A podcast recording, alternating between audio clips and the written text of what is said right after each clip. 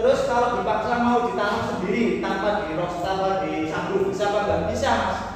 Bisa sekali. Cuma dia pertumbuhannya enggak normal. Istilahnya kurang kurang bagus lah.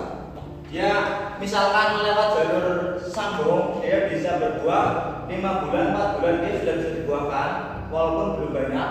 Tapi kalau cuma cuma jenis impor saja dia paling paling cepat bisa dibuahkan dalam waktu satu tahun. Itu. Jadi kalau kalau dihitung-hitung kalau tanpa sambung itu akan rugi waktu. Kan emang emang masa jenengan anggur satu tahun seharusnya dia harus sudah dua kali punya jalan belum belum dua kan sayang. Makanya kita harus jalur ke ke sambung. Nah ini yang namanya yang namanya cutting ini entres ini harus yang dari impor impor yang bagus ini dari lokal yang bagus. Bagus itu global ya mas. Kata bagus itu global. Jadi bagus di sini dia itu harus sehat dan kondisinya bagus. Kondisinya bersih. Bagus bersih itu maksudnya bersih dari jamur, bersih dari jamur, terus dari kutu. Nah, kalau bisa dari kulit, kalau bisa ya. Kenapa kok saya bilang dari kulit? Nanti saya jabarkan ketika praktek. Yang pertama, cutting itu harus bagus. Bagus dalam artian apa? Dia benar-benar sehat. Sehat, sehat maksudnya gimana? Sehat maksudnya bersih dari jamur, kutu dan kulit yang busuk. Karena kadang kita kan dapat cutting itu kan dia karena dia lembab, akhirnya kulitnya kan agak agak agak coklat kayak mau gosong. Nah ini harus kalau bisa dibuang saja kulitnya. Kulit terus kita harus Buang pupuk gimana? Cukup dengan direndam dengan insektisida. Rendam insek. Ini rendam bumi. Nah, ini dibuang dengan jari. Cukup dibuang dengan jari saja. Jadi kalau cutting itu udah bagus, bersih dari jamur, kutu, kulit. Nah, terus entres gimana? Nah, entres gimana? Entres kita pilih yang ini namanya ini yang yang ini, yang bundar ini ini namanya mata bud. Mata bud. Mata bud. Mata bud itu adalah si bahan jabar baginya tunas. Jadi nanti tunas itu akan keluar dari sini. Nah ketika kita memilih entres kita harus memahami entres itu yang sehat yang gimana. Ya di antaranya contoh kecilnya yaitu pilih entres yang bersih dari jamur, bersih dari kutu dan mempunyai mata but yang bagus. Supaya nanti kalau disambung 2 sampai 1 minggu itu sudah bisa 10 atau keluar Pasti kalian masih masih apa kurang kurang gambaran nanti ya. Ini sekedar teori sedikit. Nanti kalau kalau sudah sekedar apa sekedar tahu nanti kita jabarkan lewat praktek. Sebenarnya dalam teori teori grafting itu enggak sendirian yang kita tahu sekarang. Walaupun sekarang kita dalam fase belajar kita harus memahami betul di mana sih kita grafting itu biar kesuksesnya 90%. Nah, itu kita pelajari bersama gimana caranya grafting bisa 90% karena menyambungkan dua barang yang mati itu memang sulit dan butuh perlakuan yang khusus. Ini mengenai grafting ada dua jalur batang dan rostok. Lah rostok rostok atau batang yang sudah hidup. Ini contoh bela ya.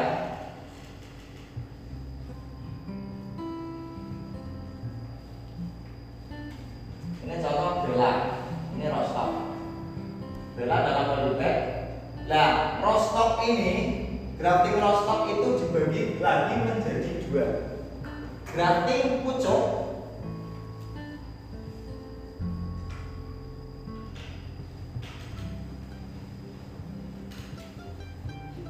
Berarti pucuk entres dan berarti pucuk sayur. Oh, ada sayur di sini. Nah, nanti saya terangkan.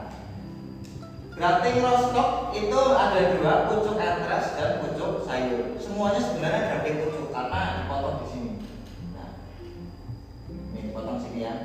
Kalau bisa itu ah, bikin rostok yang daunnya bagus dari awal supaya nanti kita bisa digratis di atas dua daun Kenapa kok di atas dua daun? Karena dua daun ini itu untuk masak si pohon supaya bisa menghidupi si entres. Nah, jadi rostok itu basicnya itu semuanya pasti sambung pucuk. Ada yang pucuk menggunakan entres, ada yang pucuk menggunakan sayur. Nah sayur itu gimana sih sayur ini? Kalau entres itu cuma seperti biasa. Berarti gitu. Nah ini entres. Tapi kalau sayur itu menggunakan batang yang masih hidup yang kita ambil baru dari pohon si indukannya. Ini contoh ya mas. Kita contoh jadi kalau entres itu kita apa menggunakan batangnya tapi kalau tuna sayur itu pucuknya. Dari pucuk si si pohon induk pohon induk kita ambil pucukannya nanti lalu kita sambungkan dengan si rostok. Makanya kita bagikan sambung rostok itu ada dua pucuk atas dan pucuk sayur. Untuk gimana kerjanya kita bahas nanti yang penting sekedar pengetahuan dulu. Terus yang batang. Kalau yang batang itu saya akan menjabarkan bukan bentuknya tapi caranya. Grafting batang itu adalah grafting cutting dan entres dan cara untuk grafting batang itu ada banyak sekali. Pertama sisir kulit. Yang kedua sambung pucuk atau pucuk ini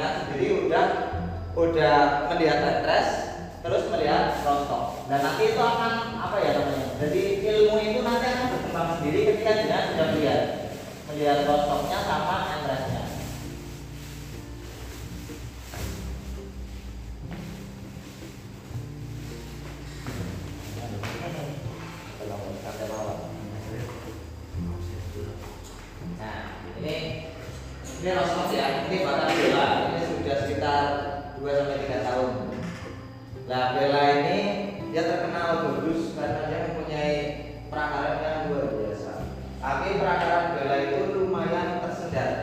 Lumayan tersendat itu bukan berarti bela gak bagus. Bela itu bagus cuma dia itu akarnya itu pertama keluarnya dikit. Tapi kalau sudah keluar akar dia langsung banyak. Tapi fase di awal itu memang lumayan berat jadi nggak ada ya sama bela ya. Bela itu sering menipu loh.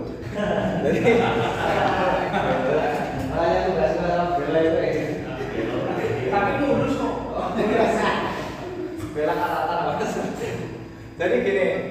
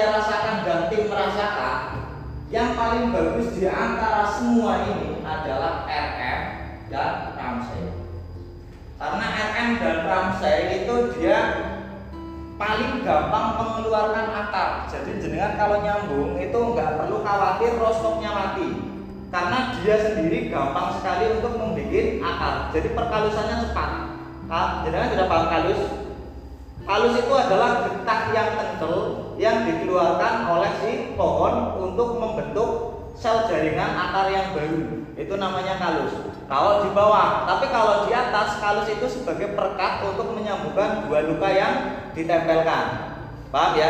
Itu namanya kalus. Kalus sama getah itu beda mas. Kalau getah itu bening, dia itu bersifat seperti air dan bisa diminum. Saya sudah sering minum. Memang rasanya seperti air biasa. Tapi kalau yang kalus itu yang kalau istilah Jawa kalau ada yang tahu itu istilahnya itu blendok. Tahu blendok? Tahu. Nah, blendok itu cairan kental yang dikeluarkan oleh si batang. Nah, itu namanya blendok. Nah, terus RM dan Red Master, RM dan Ramsey itu semuanya lebih bagus. Kedua ini lebih bagus karena dua ini itu hampir satu keluarga. Nah, di bawah RM dan Ramsey itu ada Bella. Nah, Bella kenapa kok di bawah Ramsey? Karena Bella itu dia bisa mengeluarkan akal, tapi dia lumayan lamban. Di awal itu startnya itu kalah sama RM sama Ramsey. Tapi bukan berarti nanti kalau sudah dua bulan itu sudah sama-sama hidup antara si RM dan Ramsey ini malah lebih cepat mas. Jadi startnya kalah tapi finishnya menang. Nah itu Bella. Makanya Bella itu kalau ditanam di Jawa, khususnya daerah Ponorogo, Banjarnegara, terusan intinya Banjar sekitarnya itu dia itu memang pertumbuhannya luar biasa. Mas. Aku pernah nanam satu bulan itu sudah tingginya hampir 3 meter satu bulan. Menurut saya itu sangat-sangat luar biasa. Satu bulan mau 3 meter guys. Istimewa. Edan, istimewa. Tapi kalau dia itu kesannya lambat, tapi perkaranya bagus. Nanti kalau udah disambung dengan impor yang beda atau yang bagus itu cepat banget naik. Sampai di sini ada pertanyaan? Sebelum saya tambah lagi. Gimana Pak? Di antaranya untuk menyambung yang paling praktis itu yang mana? Yang paling praktis. Iya, yang paling praktis, yang paling simpel. Nah, paling cepat, paling cepat. Iya, tidak terlalu makan Iya, waktu iya. bahannya. Cocok. Pertanyaan yang bagus. Kalau menurut saya yang paling gampang itu yang ini Pak. Nah, Ini kalau yang saya sudah alami, ini sambungan yang paling cepat itu adalah sambungan Z. Ini sambungan Z. Kalau menurut saya yang alami, kalau sambung V itu kita kelamaan dimotong entresnya mas, motong entresnya. Jadi entres itu harus benar-benar lurus. Nah, ini contohnya. Benar-benar sininya lurus, sininya lurus, selanjutnya pas, dia pas di tengah, kulitnya bisa bagusan saya tanya bagus, sininya bagus, sininya bagus. Itu kalau banting yang seperti ini, banting ini, banting ini, banting ini semuanya sama. Tapi kalau ini enggak mas, jadi cuma cuma kayak gitu. Contoh ya.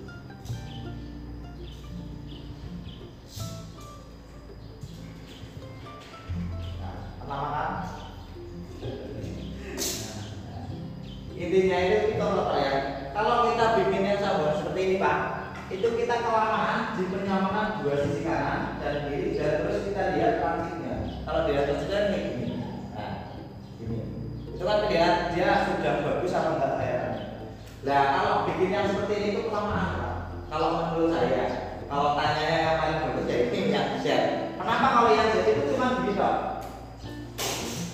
Kalau Z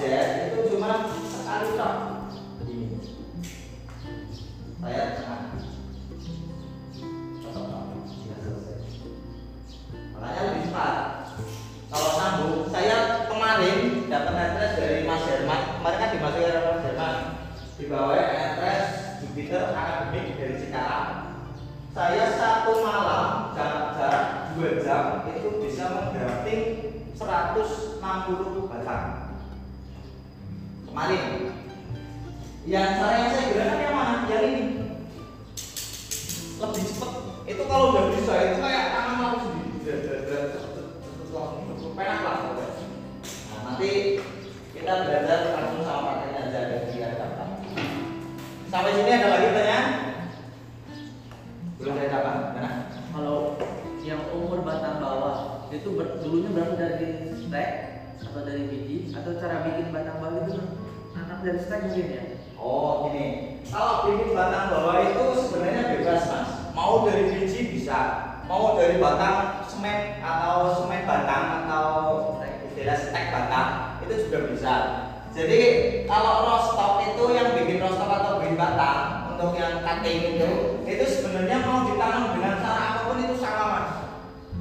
Mau dari batang, mau dari biji, yang penting dia sudah tua, sudah coklat, dan sudah mempunyai kulit yang lumayan tebal. Dan dia dalam kondisi sehat.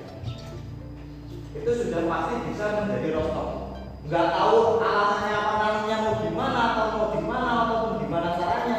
Yang penting kalau dia rostok itu sudah coklat dan dia sehat maka dia layak dibikin batang dan dibikin rostok ada lagi Terus pak untuk ukurannya kan beda.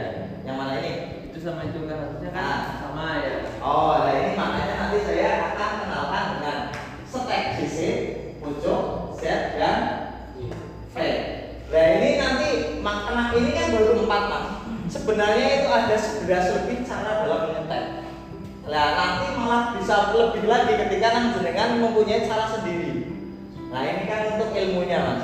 Nanti kan saya terangkan cara kenapa kok stek itu bisa hidup.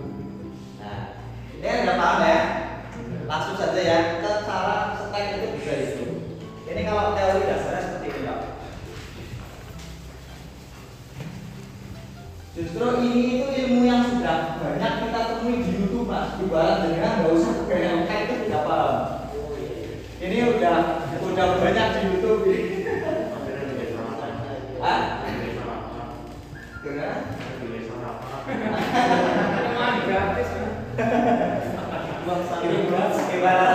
Kalau yang sampai pelajari di sini kok hanya ini, itu jadi rugi di sini mas. Kemarin itu peserta BMK itu semuanya main ke tempat saya langsung praktek di tempat saya selama tiga hari. Tiga hari ya tempat saya. Itu karena dia itu kurang di- diberikan rahasia oleh si pemain yang sudah pernah. Nah,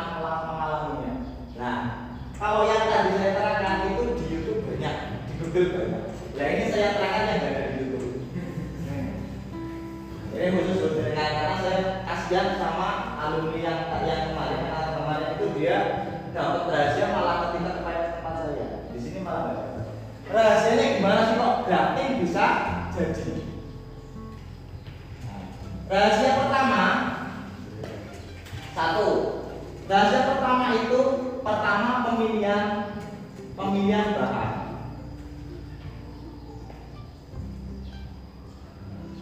Bahan itu meliputi rostok, cutting, dan entries atau entres. Jadi pemilihan bahan itu sangat penting karena pemilihan bahan itu kunci utama stek atau grafting itu bisa jadi. Terutama itu di entresnya. Entres itu mewakili 60% dari persentase keberhasilan. Kalau entresnya bagus, sudah pasti walaupun cuttingnya kurang bagus, yang penting dia hidup pasti jadi. Entres bagus itu bisa mati kalau si cutting itu ma mati. Gitu dong. Jadi pemilihan bahan itu sangat menentukan kesuksesan graftingan.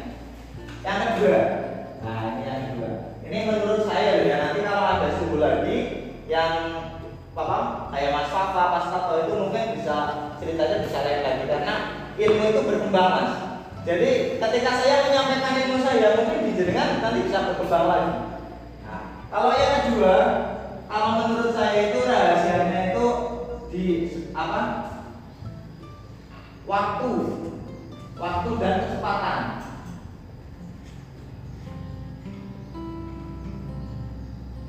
Nah, ini kalau menurut saya waktu dan kecepatan. Loh, kok malah kecepatan gimana? Nah, ini saya terangkan. Waktu dan kecepatan. Kalau di YouTube, di Google itu pasti yang diterangkan yang dipanjang kali lebarkan itu cara menyayapnya, cara motongnya, cara itu ya kan? Pasti kalau kalian lihat cara di YouTube, Google saja, cara grafik angle, pasti yang diperlihatkan apa? Cara menyayap, cara menyambung, paling mentok cara menyemai. Iya apa enggak? Udah pernah lihat atau belum? Waduh. Oke, tak, tak kasih contoh dikit ya. Bergopeng. Malah bukan masuk. Ini sih ada yang ada yang selain badan atau enggak mas? Selain badan ada? Haji Barang. Ini ya mana pak? Semarang. Tapi bisa bahasa Jawa nggak pak? Jawa badan. Apa? Belum.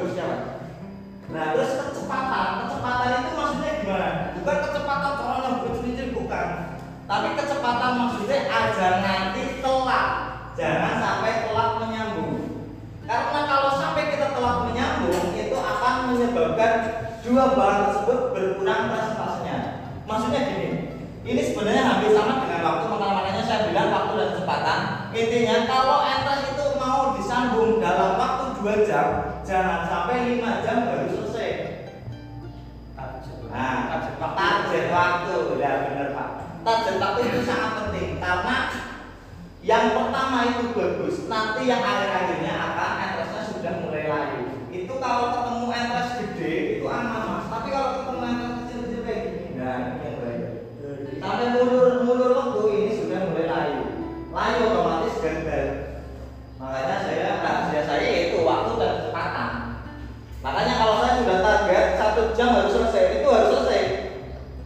dua jam harus selesai harus selesai. Kalau kira-kira dua jam kok nggak selesai bisa empat jam yang separuhnya masukin kulkas dulu mas.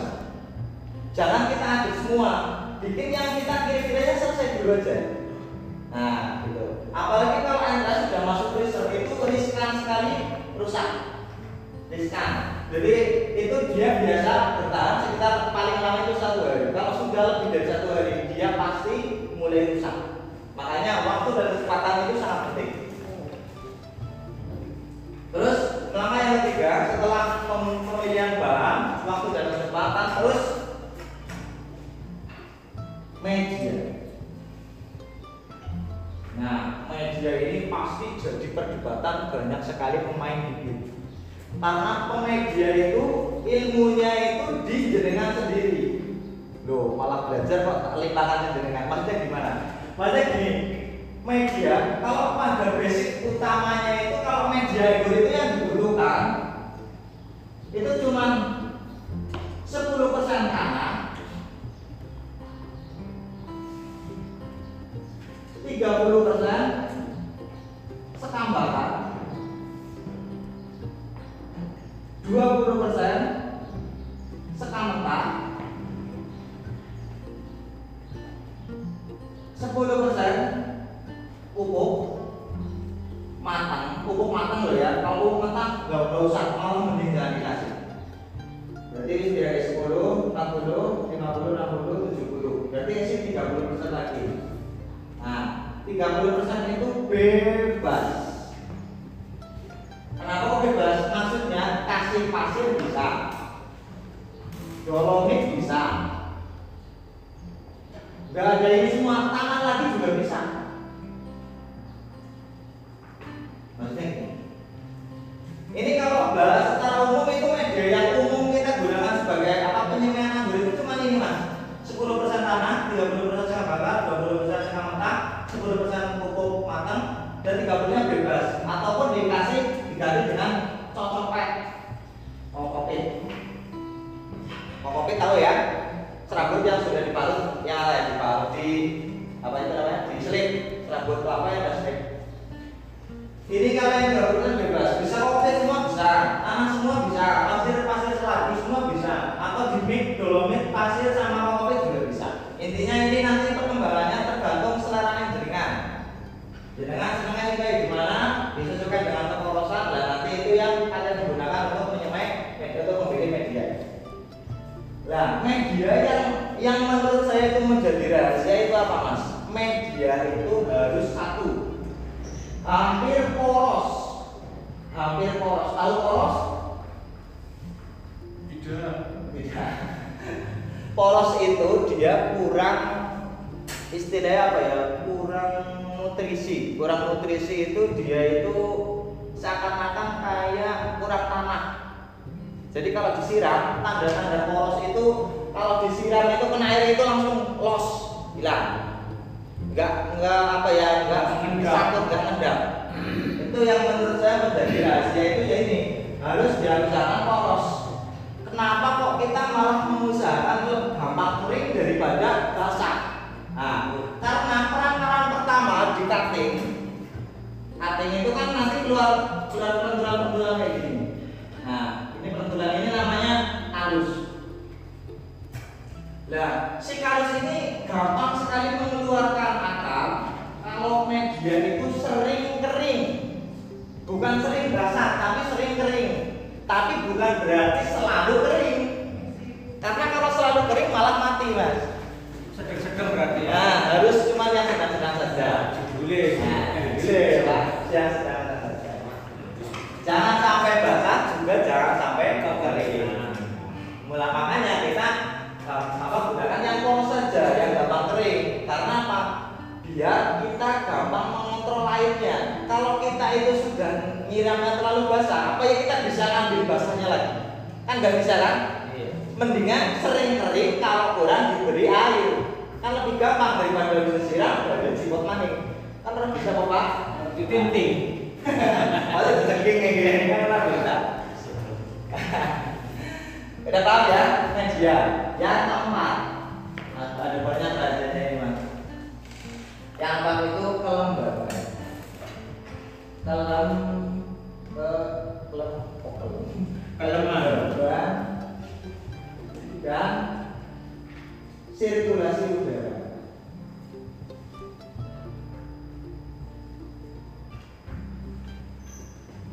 Sebenarnya dalam setek itu ada tiga fase mas, tiga fase. Yang pertama itu dia itu harus mengalami masuk ke fase tanpa matahari. Masuk, kita tulis ya. Iya. Fase pertama itu dalam fase penyemaian, penyemaian itu ada tiga fase. Nah, satu itu tanpa matahari.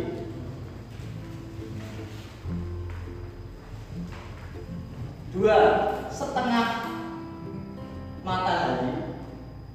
Yang ketiga full. Ini ya, saya cari ke saja ya. Tanpa matahari itu biasanya 0 sampai sekitar berarti 10 hari. 10 hari. Lah kalau setengah itu mulai 10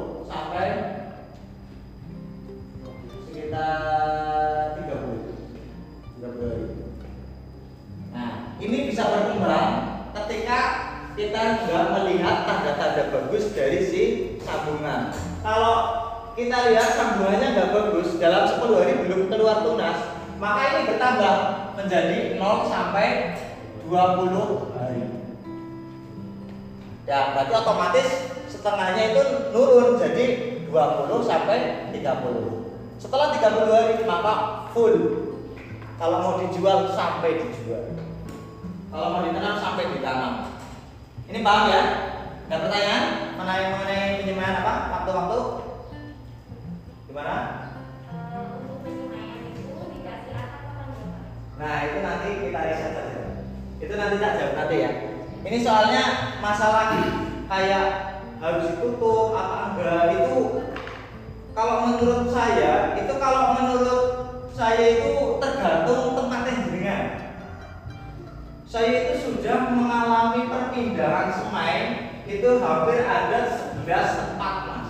Tak hitung itu hampir hampir hampir ada 11 tempat.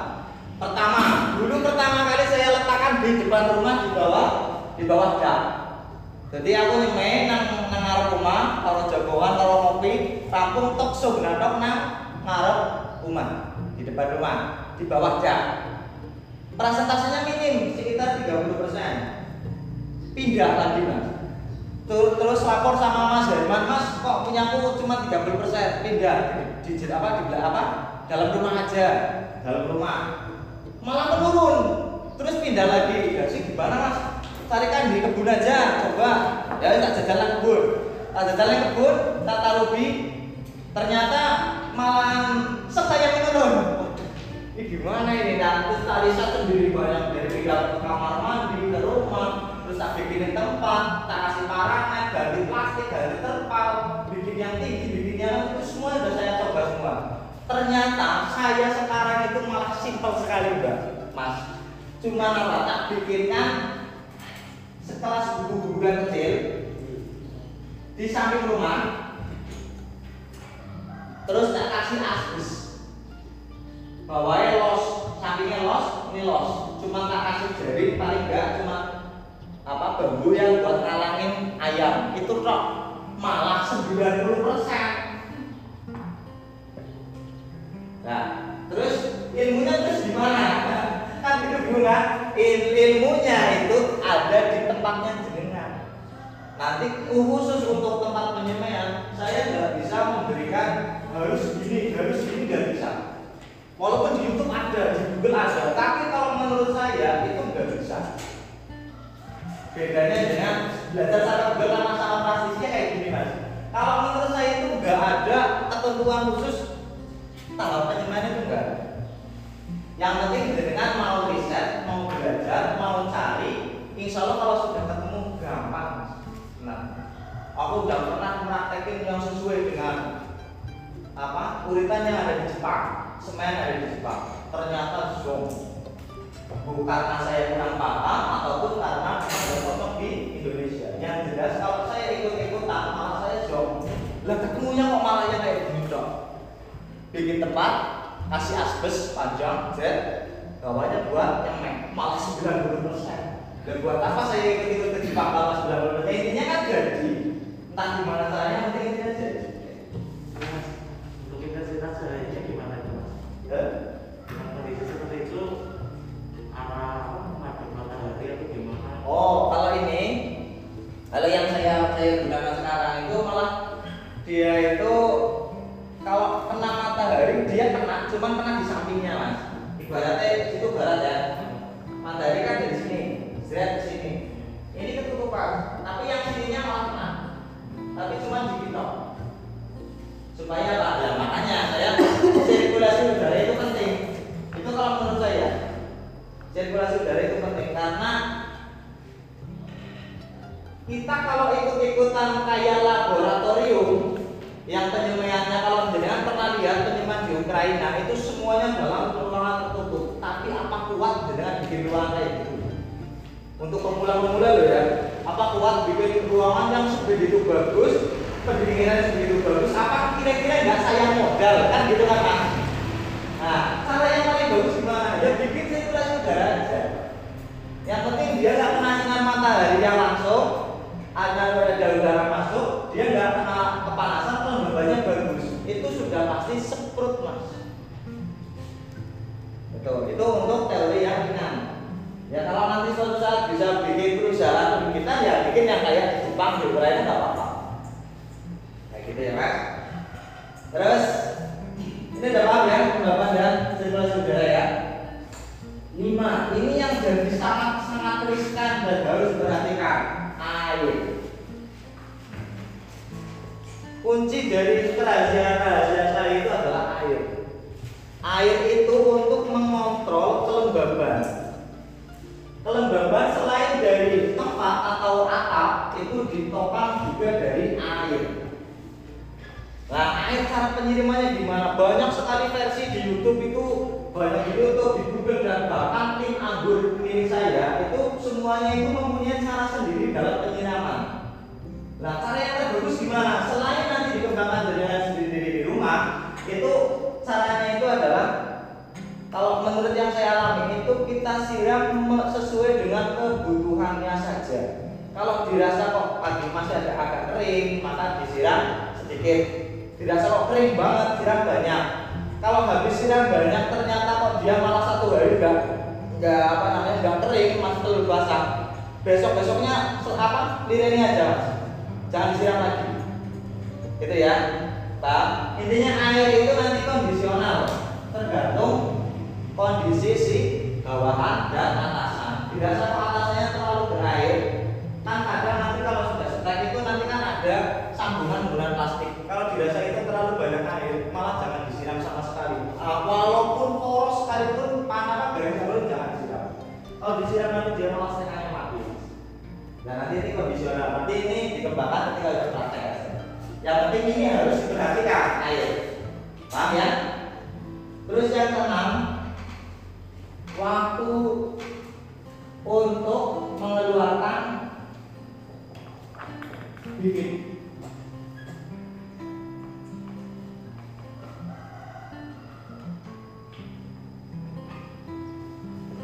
waktu mengeluarkan bibit waktu mengeluarkan bibit yang dimaksudnya apa? Yang ini mas.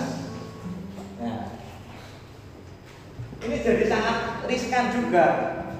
Karena dalam fase pembibitan anggur itu dia ada fase dia butuh matahari dia nggak butuh matahari. Nah, dalam contoh yang saya rasakan, contoh saya menyemai 500 500 semean. Dari 500 semean itu semuanya nggak pakai ini semua, Mas.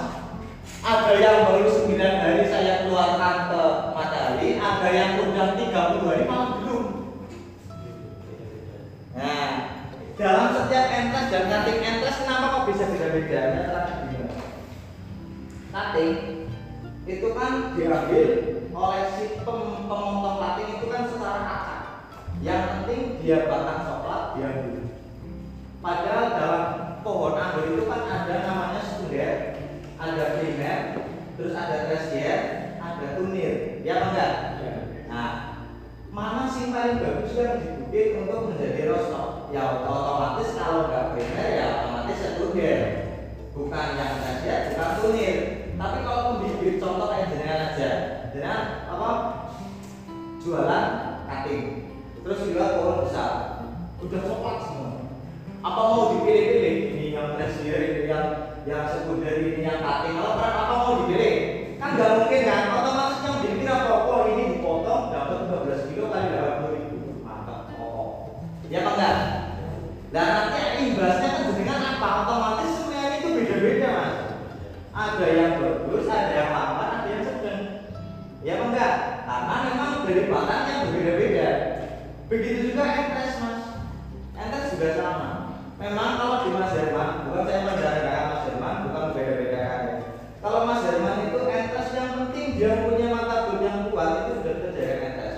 Tapi kalau saya itu cuma yang saya jual itu cuma dari sekunder sama primer. Kalau tersier sama tunir tak ada jual.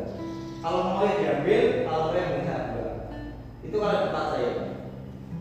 Karena saya memikirkan ke konsumen nanti kecewa mau nggak dia sambungan dari trasier otomatis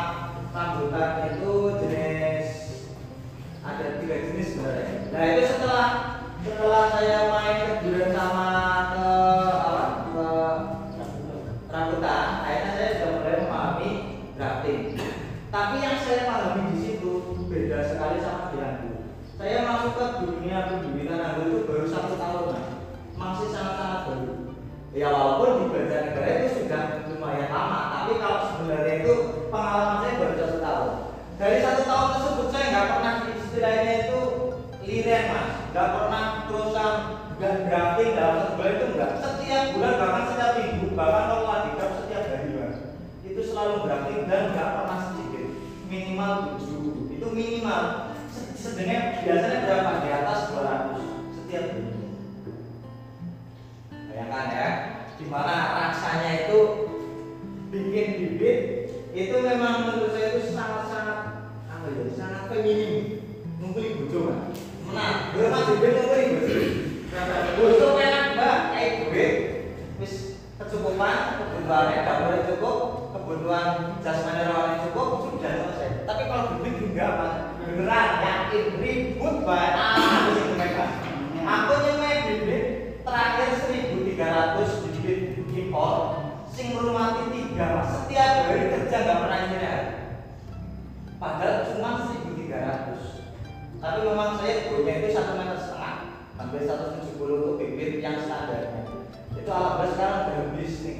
Iya, 22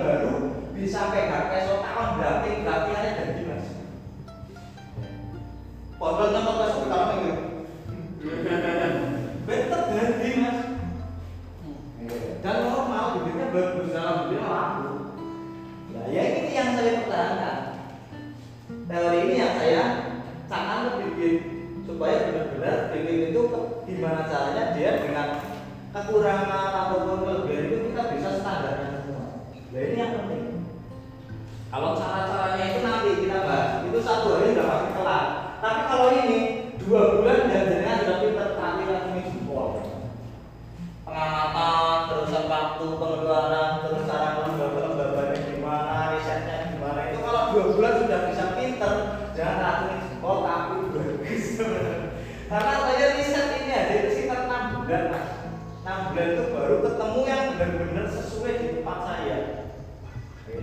enam bulan itu baru benar-benar grafting kayak seakan-akan grafting jadi grafting jadi. Dulu-dulu grafting jadi tapi dikit. Ya, begitu saya apa mengetahui ilmu-ilmu yang yang lumayan rahasia ini akhirnya saya melakukan apa mulai mengerti oh ini loh yang harus saya lakukan. Di bibit itu kayak gini ini loh yang lakukan kayak gini itu harusnya kalau ini gini harusnya itu harus ilmu yang banyaknya itu yang di situ mas. Kalau di grafik yang satu hari satu jam aja itu mudah bisa pegang peso kalau saya ngajari orang yang mau kerja di tempat saya itu kayak gitu dia peso gue gue tanah gue no kayak ya. Maksudnya kayak salah lek gue kayak bis terus kan? nyarinya iya set eh apa ya? Oke set set set ya bis mata di sini ya gitu terus terus bis bis bis ya. Terus setelah kayak set saya sekali dia jadi wis langsung malah kebayar temenan mas. Wong telu wong papat sing kebayar tembene keleso kebayar iya. iya. Tembene keleso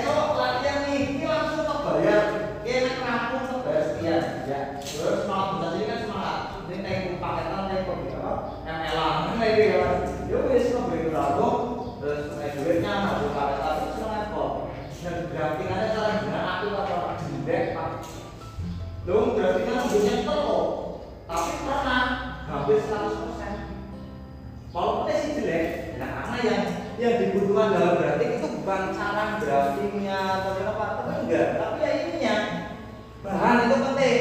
Pemilihan bahan itu nomor satu. Kunci kesuksesan teks. Waktu kecepatan itu sangat penting. Media itu sangat sangat penting. Ini semuanya penting semua lah. Kalau ini udah bisa paham sendiri paham semua bisa melihat sendiri di rumah dan nanti ini yang bisa menyelesaikan dengan gue oke terus eh, pertanyaan?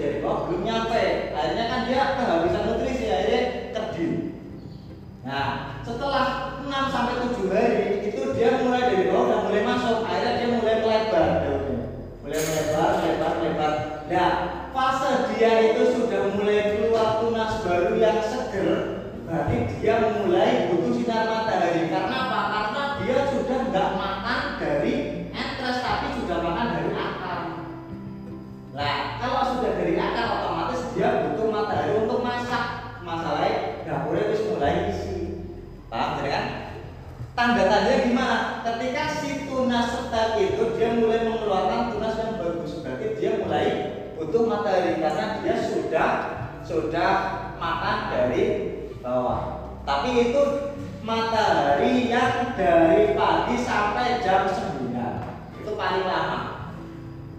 Karena fase masak daun itu dari jam 6 sampai jam 9 itu masak daun. Setelah itu dia itu tinggal perawatan, terusan menghilangkan apa, menutrisi daun dan lain-lain. Jadi kalau masaknya itu sebenarnya cuma jam 6 sampai jam 9. Yang lainnya itu untuk kesehatan, kesehatan itu.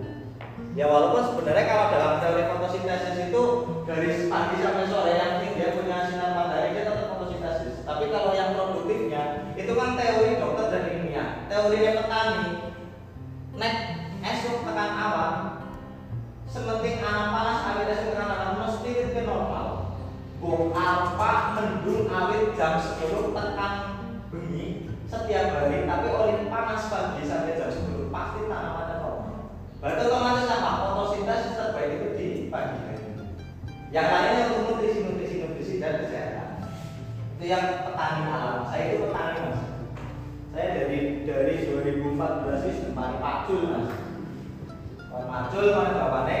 Pacul alas. Kadang rumah tanduran dari tahun 2015 dari 2015 itu saya mulai tanam sendiri sambil belajar sambil sekolah. Jadi setiap tanam rumah belajar tandur derek tandur derek kok boleh di rumah nih belajar mana tandur derek mana terus akhirnya saya berhenti berhenti apa tani saya fokus ke sekolah. Terus selesai sebelum saya nikah saya mulai tani lagi gagal. Terus saya terusan nikah dan baru mulai merasakan hasil hasil hasil hasil dan sekarang saya cuma usaha di anggur dan ada sebagian usaha kecil ya karena dulunya memang saya suka tani. Nah tani itu memang ilmunya itu sangat sangat apa ya sangat fleksibel. Kalau di pemerintahan di ilmiah itu kan banyak yang mengatasnamakan kayak kayak contoh kayak tekoderma ini itu kayak asam bunga ini itu. Kalau di petani itu nggak ada mas. Nggak ada bahasan kayak gitu. Yang penting kita pupuk bener pupuknya waktunya pas pasti tanamannya jadi. Kayak gitu. Terus ya kan katanya udah saya jawab ya. Intinya kalau dia udah mulai tunas daun baru berarti dia udah mulai harus kena matahari saya yakin ya? Saya Pak. nah, Pertama ya kan kita udah punya sebelum menyambung ya bahan-bahannya udah ada. Batang bawah sama batang atas. Batang bawah yang coklat Nah. batang atas buat yang atas yang hijau udah ada. Nah kita tanam langsung kan tanam yang batang bawah tunggu Hmm. akarnya tumbuh dulu atau sebelum ditanam pun bisa di atas bisa disambung langsung tanam gitu. Atau bagaimana? Nah, gini mas. Itu juga lebih ke selera ya mas. Aslinya lebih ke selera. Aku di GBC GBC itu tim anggur yang dinaungi oleh Mas Herman itu Yang dari Mas Herman Itu ada sekitar member utamanya. Pertama itu ada sekitar 16 orang Dari 16 orang itu mempunyai caranya sendiri-sendiri mas. Karena Mas Herman itu termasuk orang yang lumayan pelit. Kalau nggak ditarik Kalau nggak jenengan kurang kritis diterangkan sama Mas Herman itu nggak bakalan dikasih tahu. Termasuk saya juga mengalami nek aku belajar sama Mas Herman kok kita nggak kritis? Kita nggak dikasih tahu rasanya tapi karena saya itu termasuk orang yang apa ya gampang takunan. Jadi segala sesuatu yang kira-kira nyeleneh apa kurang paham itu tak tanyakan. Dan alhamdulillah ilmunya udah tak serap semua insya Allah. Ya walaupun belum semuanya tapi yang minimal adalah dianggur sekitar 70 sampai 80 persen ilmunya sudah saya serap. Jadi dari semua orang yang ada di GMS itu mempunyai cara sendiri-sendiri dalam memperlakukan si cutting dan si entres. Kalau entres otomatis harus baru mas, itu entres bagus harus baru. Baru potong maksudnya bukan baru beli, baru beli potong. Terus kalau cutting, nah cutting ini itu ada tiga cara mas. Tiga cara yaitu fresh cutting atau baru potong, sudah semekopopit dan sudah diakarkan. Semekopopit, so, semekopopit itu sebenarnya cuma menumbuhkan kalus bawah. Dari wis merendul tapi belum keluar akar. Itu sebenarnya men- menumbuhkan kalus. Terus yang ketiga itu menumbuhkan akar tapi akar kecil, bukan akar yang serabut, bukan ya. Nah itu mana yang lebih bagus? Kalau menurut saya fleksibel, terserah jenengan. Karena bisa bisa domang terserah gini. Saya sudah meriset dari ketiga ini dan semuanya bagus semua mas. Fresh cutting yang penting dia bisa mengetahui cara untuk mengatasi air. Gini tak terakhir kelemahannya ya. Nek fresh cutting kelemahannya apa? Dia keluar air. Dia belum keluar akar, bahan akar. Dia belum keluar halus. Akhirnya pertumbuhan akarnya kan jadi lama. Yang penting kita tahu cara menanganinya. Maksudnya gini, kalau fresh cutting berarti kita gimana caranya nyambung tapi airnya nggak ngendap di sambungan. Terus akarnya ini, bahan akarnya ini dia itu nggak bos apa? Bosok, istilahnya apa ya? Eh, orang nyoklat, gosok atau nyoklat karena terlalu lembab. Yang penting jangan terlalu lembab dan juga bisa mengatasi airnya. Ini sangat bagus dan saya biasa menggunakan cara ini. Terus yang sudah berhalus, yang sudah meredup-meredup kayak gini, ini lebih gampang perlakuannya. Tinggal sambung, terus langsung ke media yang sudah jadi. Gak perlu nahan ini terusan akhirnya gimana ini gimana, nggak nggak perlu. Nah, tapi dia kan sudah lumayan kehabisan nutrisi untuk menumbuhkan halus dan menumbuhkan si batangnya sendiri. Batang itu kan mau tumbuh sendiri sebenarnya. Tapi kan nggak bisa karena ibaratnya dialang-alangi, nembe metu langsung potes, metu potes kan kayak gitu. Nah ini apa? Halus itu mau ngeluarin, tapi ini nggak yang di, di- ditumbuhkan. Akhirnya dia kayak seakan-akan itu kayak mager, kayak bertumbuh itu bertumbuhnya itu pertama itu. Tapi ini lebih aman untuk penyambungan karena apa? Karena dia udah keluar air. Nah gitu. Maksudnya gini, ini lebih aman tapi karena, karena dia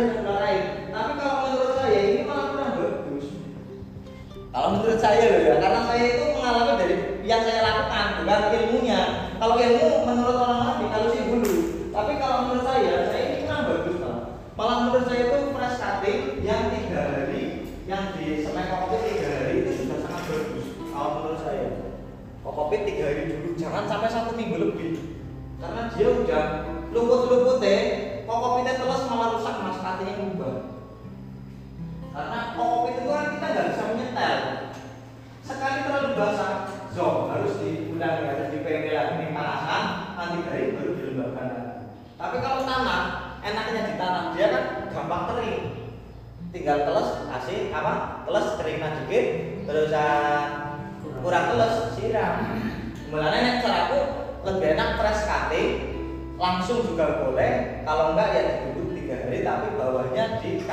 kokpit dan disayap.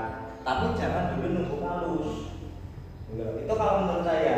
Terus kalau yang diakarin dulu, kalau yang diakarin dulu, dia resiko sekali kering di sambungan. Maka kalau resiko kering, otomatis nyambungnya di malam hari dan harus begitu sayat langsung tutup. Jangan nunggu. Jadi semuanya sebenarnya bagus. Ya, Yang penting kita itu bisa menyiasatinya. Ini kekurangannya apa? Ini kelebihannya apa? Ini kekurangannya apa? Ini kelebihannya apa? Kurangnya kita tutupi, pakai. Terus ada lagi pak? Gimana? Eh, yang kedua kan kita sambung ya sambung dan sampai untuk mengurangi kelembaban kan pasti diikat ya pakai itu kayak mungkin atau enggak cuma disambung tempel emang bisa hidup atau gimana Maksudnya kelembaban di batang apa di media? sambungan Di sambungan. diikat kan pak Nah, nah itu dilepasnya kapan atau pas udah jadi jadi jadi tunas baju itu ya Ah. udah udah dilepas atau nunggu sampai setinggi apa atau bagaimana oh, ngeluh apa? Nyopot, nyopot. Jiret. anu jirete. Nah, Paham jiret Pak sekarang. Jiret. Sambung, sambung. Jadi si ikatan itu dilepas, kapan kita harus apa me- melepas ikatan? Itu sebenarnya tergantung ikatannya mas. Kalau kita menggunakan parafilm, parafilm kayak semuanya tanpa menggunakan grafik ataupun menggunakan isolasi atau menggunakan plastik, plastik yang khusus untuk grafik kan ada. Kalau kita menggunakan pure dengan gra- parafilm sebenarnya nggak perlu dilepas sama sekali. Si sambungan ba- apa harus dilepas ketika dia menggunakan plastik yang berbahan tidak mau lunak. Contoh plastik terusan grafik tab Tapi kalau plastik nah ini ada contoh plastik wrap, ini nggak perlu dicopot mas. Nah, kalau dicopot, waktu terbaiknya kapan? Ya, kalau mau ini contoh, ah ya, tapi ini termasuk penting sekali. Ini kalau dibuat nyambung itu nggak perlu di nggak perlu di apa lepas lepas. Nah terus apa waktu terbaik melepas ketika menggunakan plastik dan grafik net yang nggak mudah rusak. Nah waktunya adalah ketika bibit itu udah mau ditanam atau di atas tiga bulan. Nah kalau satu bulan ditanam dan dua bulan sudah mulai tumbuh, mulai besar. Nah itu gimana? Apakah harus lepas dulu apa enggak? Lepas saja nggak apa-apa. Yang penting dalam tanda kutip dia sambungannya sudah sempurna dan jangan sampai tersentuh. Aku pernah menjual bibit harga 350 baru nyampe ke tendangan naik mas. Tendangan naik prop petil. 350 nangis mas. Akhirnya pulang lagi ngambil lagi. Jadi yang penting sambungan itu kalau intinya kalau mau ditanam tidak ada lepas. Kalau sudah sempurna. Tapi kalau dirasa belum sempurna masih masih kelihatan. Kan nanti ada kayak gini mas. Kayak melentung mas. Setekan itu kalau sudah lama itu dia kayak melentung sininya melentung sininya melentung nah itu kalau sudah sama-sama melentung berarti dia udah sempurna. Tapi kalau kelihatan masih kayak baru kayak gini baru ini berarti dia masih belum sempurna. Dia hanya baru kamu stok yang nempel belum ada pertumbuhan dari penyatuan dari batang itu kalau masih kayak gitu dia rawan sekali mendingan jangan dulu Plastik itu harus dilepas kalau sudah ngikat batang dan batang itu nggak tumbuh nggak bareng. Istilah lanjal itu pingget, tahu pingget ya Pak? Nah pingget itu dia itu kehalan plastik akhirnya kecil. Dan kalau pingget nggak dilepas, imbasnya apa? Imbasnya itu daunnya meng, apa itu tipis, nggak hijau dan dia agak. Dia nggak subur, nggak kena penyakit, tapi menguning dan tipis. Gimana Pak? Bertanya, kira-kira gimana? Serius.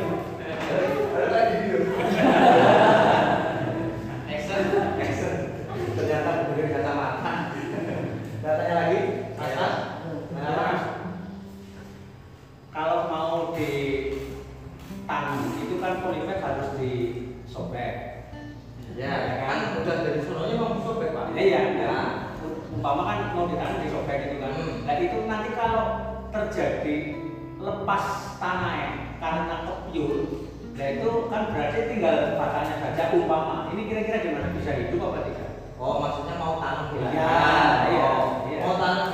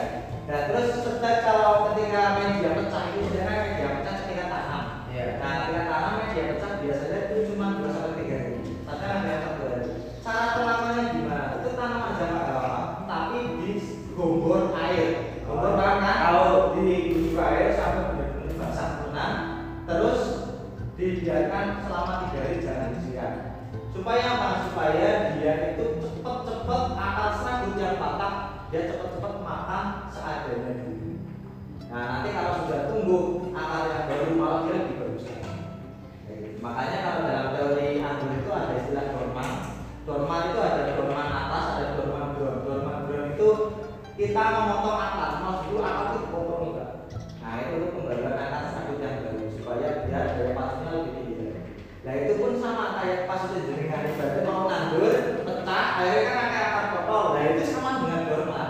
Nah dorman itu gimana? Ya itu digobor air, terus dibiarkan tiga hari jangan diapa-apain. Nanti kalau sudah tumbuh, yang layu buang saja, tumbuhan dari tumbuh yang baru itu mau tumbuh. Ada lagi yang tanya? Saya oke Pak, ada dua aja sekarang disambung ya. Yang pertama, kan kita itu ingin punya hasil buah dari sambungan. Udah jadi nih, udah berbuah. Terus bagaimana kalau yang batang tersier atau tantar yang dari bawah itu kita stack aja, lalu tanam aja di polybag dengan harapan nggak usah lama-lama pakai graft- grafting. Kalau udah ada keturunan yang tidak jadi, terus anggur juga sibanya bisa di stack, nanti juga jadi. Nah, itu pikiran saya yang pertama. Terus yang kedua, batang yang bagus untuk di atas itu yang tersier, sekunder atau. Planer, yang terakhir, yang terakhir, satu lagi. Saya kan penyerahan di pegunungan ya. Sifat anggur kan butuh air. Saya nggak ngerti kelembabannya seperti apa di dalam tanah. Otomatis saya nggak berpikir buat nyiram tiap hari karena luas sudah perkebunannya. Kira-kira jadi nggak kalau nggak saya siram atau ada fase-fase mati atau gimana? Oh, iya, iya. Sudah, sudah semua. Itu pertanyaan ada tiga. Yang pertama itu masalah antras tadi ya. Iya. Antras yang di antras yang dibikin, dibikin menjadi rostok bisa mangga kan kayak gitu kan tanyanya. Maksudnya kita tanam udah bikin trasia terus dipotong di tanam kan kayak gitu kan. Bisa apa enggak? Kalau dia sudah coklat bisa. Tapi kalau normal sama enggaknya dia kalah. Kalah sama yang teori grafting karena perakarannya itu terus nanti kalau jenengan sudah masuk ke dunia guru itu ada istilah on road itu batang yang masih hidup terus dikasih media atau diistilahkan stek. Tapi kalau stek apa cangkok?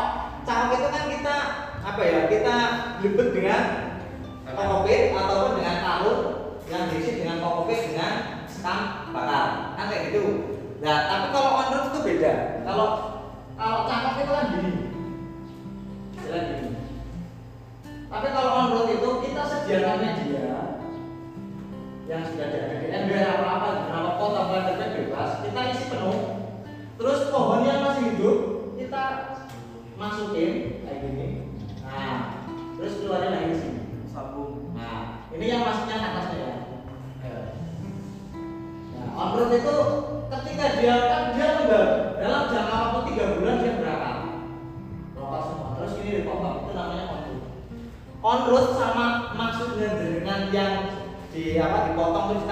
sebenarnya hasilnya sama kayak gini pak. Sama kayak gini, cuman bedanya ini lebih meminimalis kegagalan karena dia batang masih hidup, otomatis nggak mungkin mati. Nah, tapi kalau teori kayak jenengan itu kan ada masih ada kegagalan teori mati. Saya pernah semen cutting impor jenis impor sekitar 450 dan saya hanya bisa menjual 7 berapa mas? Karena apa? Yang jadi banyak, tapi yang subur sedikit mas. Aku naik bibit gak bagus mending gak tak jual. Ngisi-ngisi mau tekan tanah, ditandur rapik, jadi madani sih gawe. Gak kayak mas Zaki gak ada bibit rapik, kan emang emang. Citranya emang emang, mending rasa tak jual. Aku lapor sama mas Herman, mas bibitnya gagal. Bilang fotonya ini, ini, ini. Oh, ya wis, buang bae. Tertanti. Oh, sama mas Herman. Kok kowe kan mas Herman ngerti. Itu 450 an. Nah, ya maksudnya kayak gitu. Jadi kalau dipotong ditanam bisa, cuman kenormalannya minim. Minim sekali. Kecuali pada-pada tertentu kayak jupe. Jupe itu bisa on road bisa, cutting bisa, dia juga bisa normal. Tapi biasanya kalau ketika ditanam, daun pertamanya itu kecil-kecil mas. Kalau sudah sekitar 4 bulan baru melebar. Beda kalau vertikal dari itu bisa dari awal lebar semua, langsung gede. 4 bulan sudah jadi buah. Terus tadi masalah penyiraman ya, itu ya simpel dua-duanya itu yang intinya kayak gitu lah ya, jabar kalah ya. Belum masih gajah atau enggak yang dua. Yang itu entres boleh yang penting hijau. Kalau hijau itu nggak bisa berakar mas. Entres ini yang penting ada coklatnya kan ini kan warna hijau kok. Iya hijau maksudnya entres ini entres itu disambung yang penting hijau apa mau maksudnya gimana? Karena ada batang entres sekunder sama tarner. Oh yang paling bagus. Yang paling. Oh, jadi tadi saya sebenarnya saya sudah jawab ya mas. Itu entres yang paling bagus itu kan sebenarnya dari primer ataupun sekunder. Karena entres tersebut dia memang diperuntukkan untuk membuat pohon, bukan untuk membuat buah. Kalau treasure itu kan ditumbuhkan untuk apa? Untuk produksi buah, bukan produksi pohon. Ya apa enggak?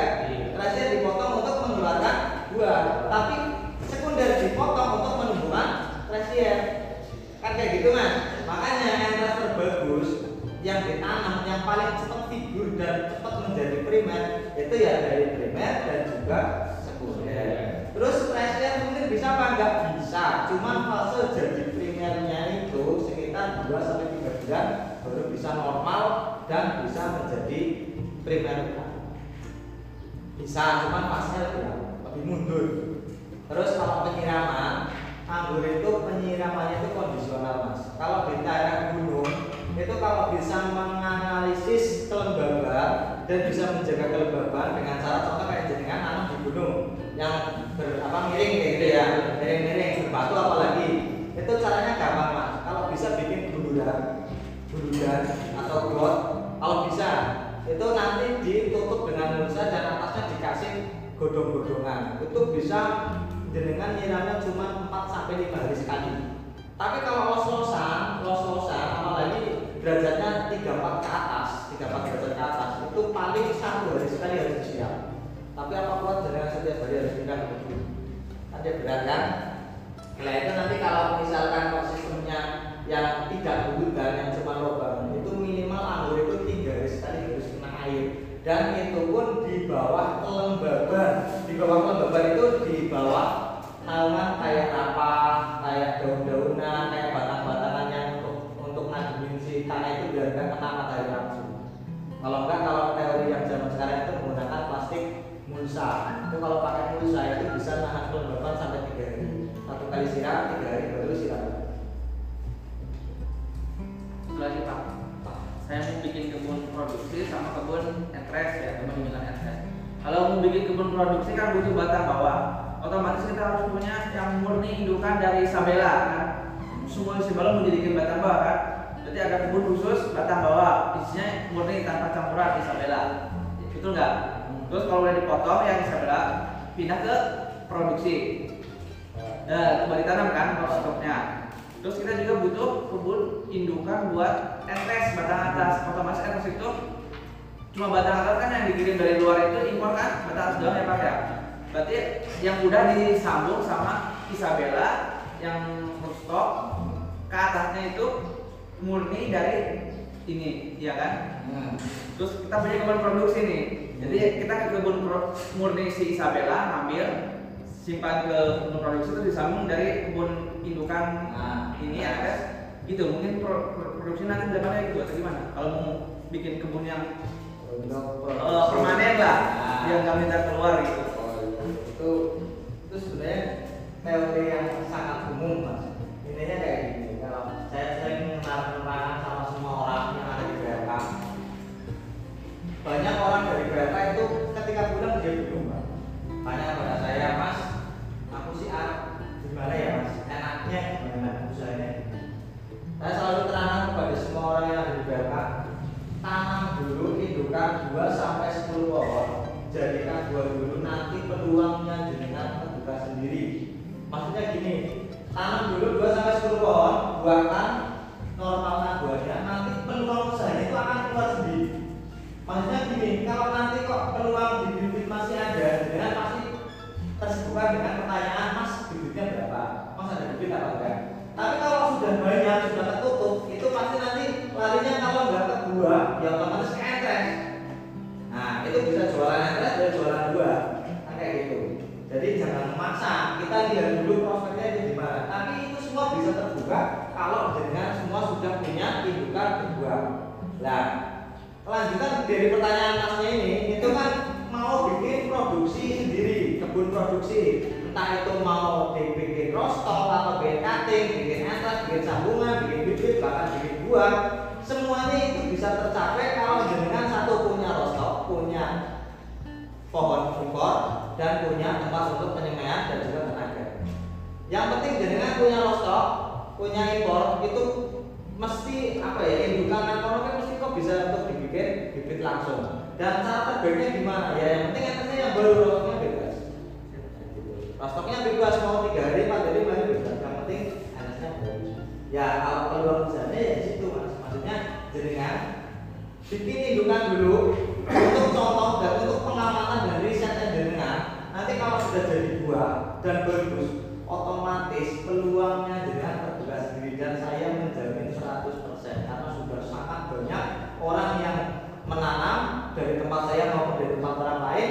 Itu ketika dia sudah mulai bisa membuahkan dan buahnya bagus itu baru terbuka. Mas apa sih apa bibit? Pak bibit? Orang dia apa nyeler? Ya saya nyeler mas ini kok buah batangnya sayang gimana dibuang gimana mas? Jual aja mas. Ini saya. Oh mas ini aku kok kayaknya apa ini? Bikin bibit ya mas? Kayaknya banyak yang anu aku mau bikin bibit ya udah bikin bibit beberapa ini? Ini tinggal nanti ke partner ya mas aku jualnya gimana ini tak gitu. Jadi nanti itu terbuka sendiri lah Mas. masalah yang penting satu belajar yang serius tanam buktikan dan jangan dengar omongan orang karena pasti sangat yakin dengan yang bawa anggur dan berapa berlatih di di rumah pasti dapat banyak kritikan. Ya Pak. Di pernah dulu. Aku tiga bulan masa kritikan. Tapi alhamdulillah yang bukti membuktikan kalau anggur itu bukan sekedar biasa. Anggur itu hobi sekaligus menguntungkan dan saya sudah banyak sekali Satu lagi Pak. Saya nggak punya kebun entres nih dari hasil kawinannya. Saya jadiin kebun entres saja. Tadi Bapak bilang entres yang bagus itu tersier sama sekunder. Berarti kita butuh tunas buat jadikan entres kan batang atas. Bagaimana kalau saya potong nih biar nanti muncul tunas dari batang primer sekunder itu metode kayak gitu boleh nggak atau gimana sih? Ya nanti kan gini mas Entres itu gini ya Sebenarnya kalau itu itu lebih ke itu loh Lebih ke lihat loh mas. Ilmunya yang saya dengan tanyakan itu sebenarnya lebih lebih bagus itu kalau dengan melihat. Maksudnya dengan melihat tuh gini Kalau dengan saya terangkan bud yang bagus gimana kan kalau tanpa melihat itu kan nggak bisa mas. Harusnya itu pertanyaan bagus tapi kalau kita udah di depan pohon. Asli nih ya tapi ini tak terangkan secara simpel ya kategori entres itu yang bagus mau dipotong dulu atau mau gimana itu bebas mas. Yang penting memenuhi syarat. Entres itu sudah melentung melentung sempurna dia sudah mulai berwarna kecoklatan dan dia dalam kondisi yang tidak lancip. Kalau anggur pohon anggur itu entresnya sudah memenuhi syarat itu berarti dia layak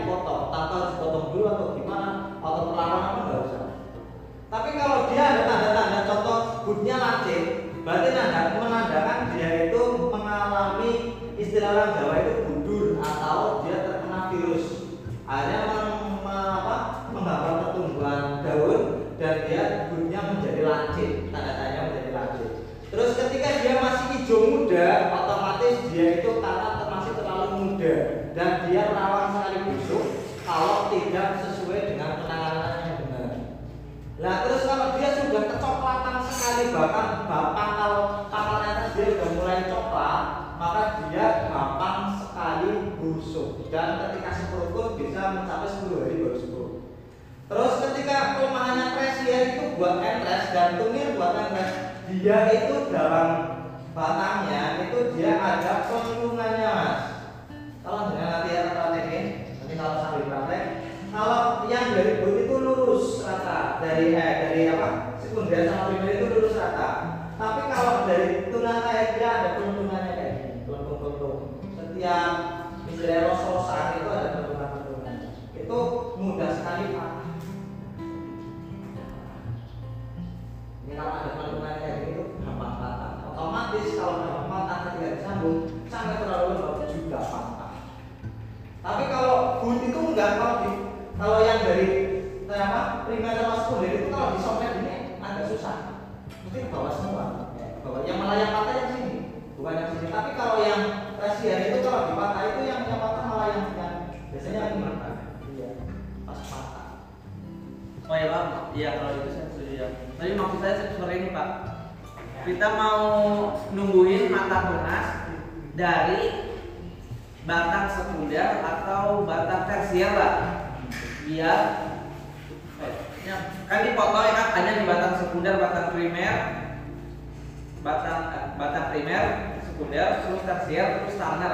Kita potong nih dari sambungan tanner ya, potong semua. Terus yang tersier juga potong semua. Biar nanti kan harapan kita ada mata tunas yang tumbuh dari batang pohon sekunder. Nah itu bisa kayak gitu udah. Nanti kan yang tumbuh itu bisa dijadikan entres terbaik karena kan dia dari tumbuh dari batang sekunder. mau saya seperti itu. Oh bisa. Bisa. Yang penting kita tahu tahapannya.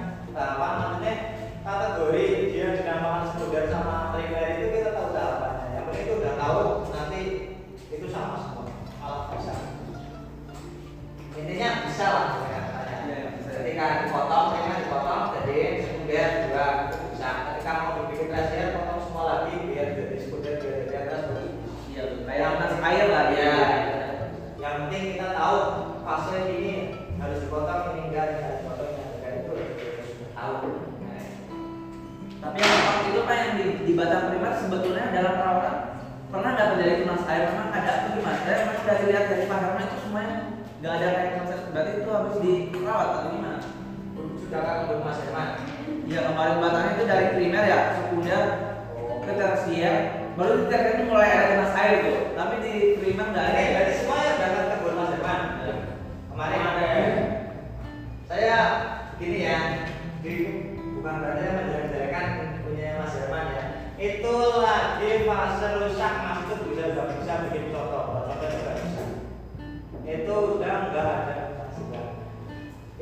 sudah nggak bisa dibikin aduan contoh pertama. Kalau menurut saya itu penanganan bukan aduan istilah gini itu penanganan karena dia rusak akhirnya terusan dibikin sih gimana mungkin dia jadi. Karena dia ditinggal sama pemiliknya sih jadi nggak terawat akhirnya rusak. Itu banyak sekali yang rusak. Jadi nanti kalau yang mau belajar ikut standar nanti belajarnya ketika menggunakan tempat contoh kayak atau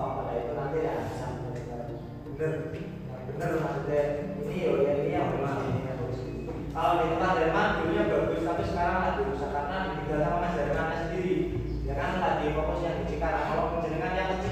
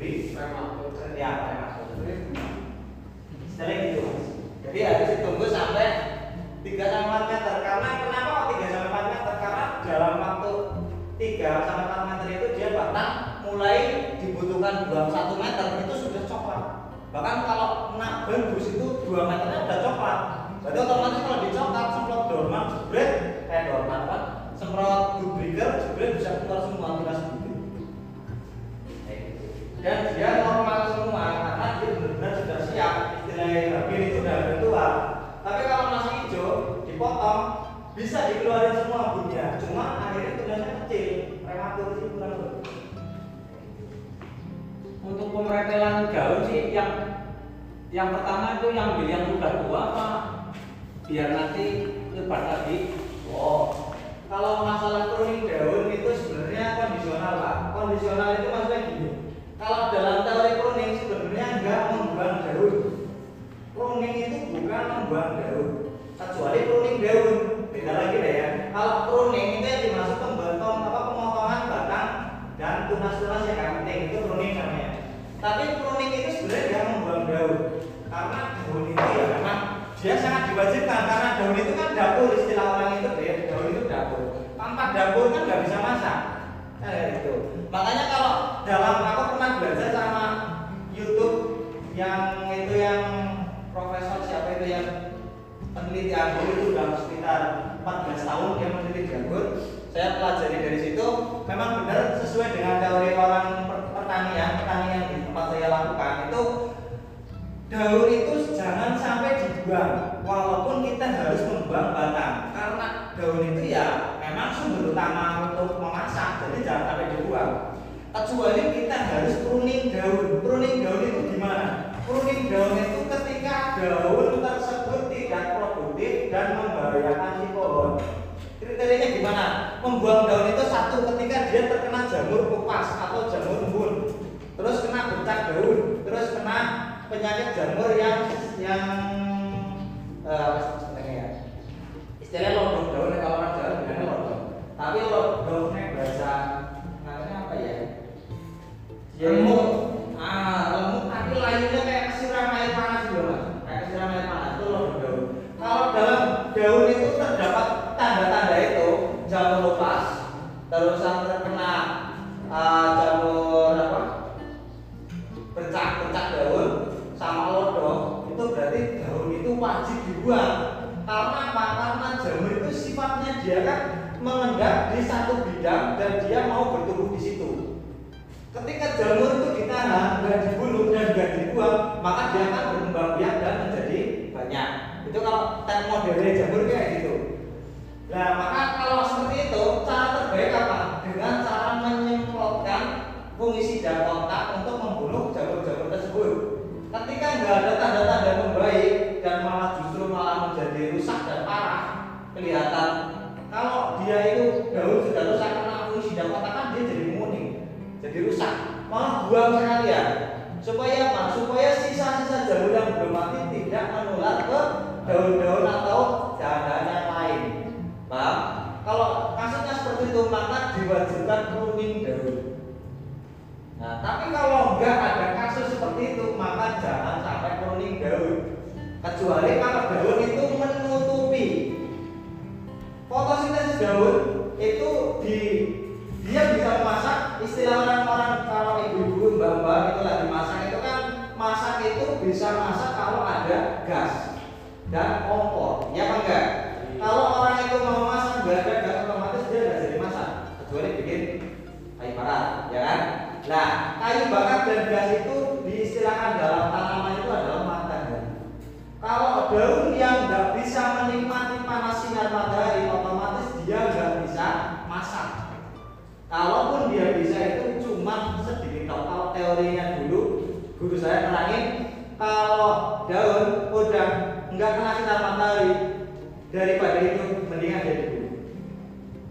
Karena apa? Karena dia malah banyak menyebabkan kelembaban berlebih. Tidak menyebabkan baik tapi malah menyebabkan yang negatif. Yang positif malah negatif.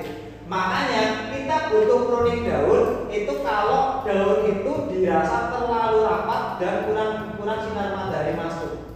Kalau kurang sinar matahari masuk malah imbasnya apa?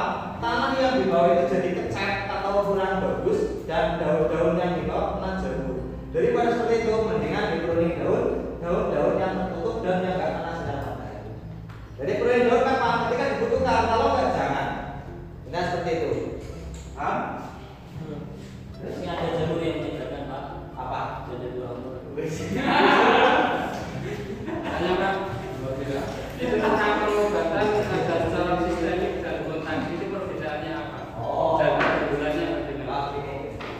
Sistemik itu nutrisi kan. Sistemik itu nutrisi, kontak itu mengobati. Istilah orang kalau dulu saya sering ikut, jangan tahu Dupont? Tahu. Tahu Dupont ya? Dupont saya dulu sering ikut seminar Dupont sama bapak saya dulu termasuk perwakilan Dupont juga. Dulu itu di Dupont itu banyak sekali me- apa ya mengeluarkan produk fungisida. Fungisida itu ada banyak. Fungisida yang berbentuk kotak, sistemik, tembaga, dan apa serbuk kontak, serbuk kontak, istilahnya serbuk kontak. Jadi sistemik, sistemik itu dia menutrisi. Sistemik itu dia menutrisi si tanaman supaya bisa menahan jamur-jamur yang mau datang atau yang mau hidup di tawar tersebut. Jadi kalau dia disemprot sistemik otomatis pohon itu ternutrisi dan dia bisa menahan jamur-jamur yang mau tumbuh. Tapi kalau kontak itu mengobati jamur yang. Jadi jangan salah, kadang ada yang sering lucu.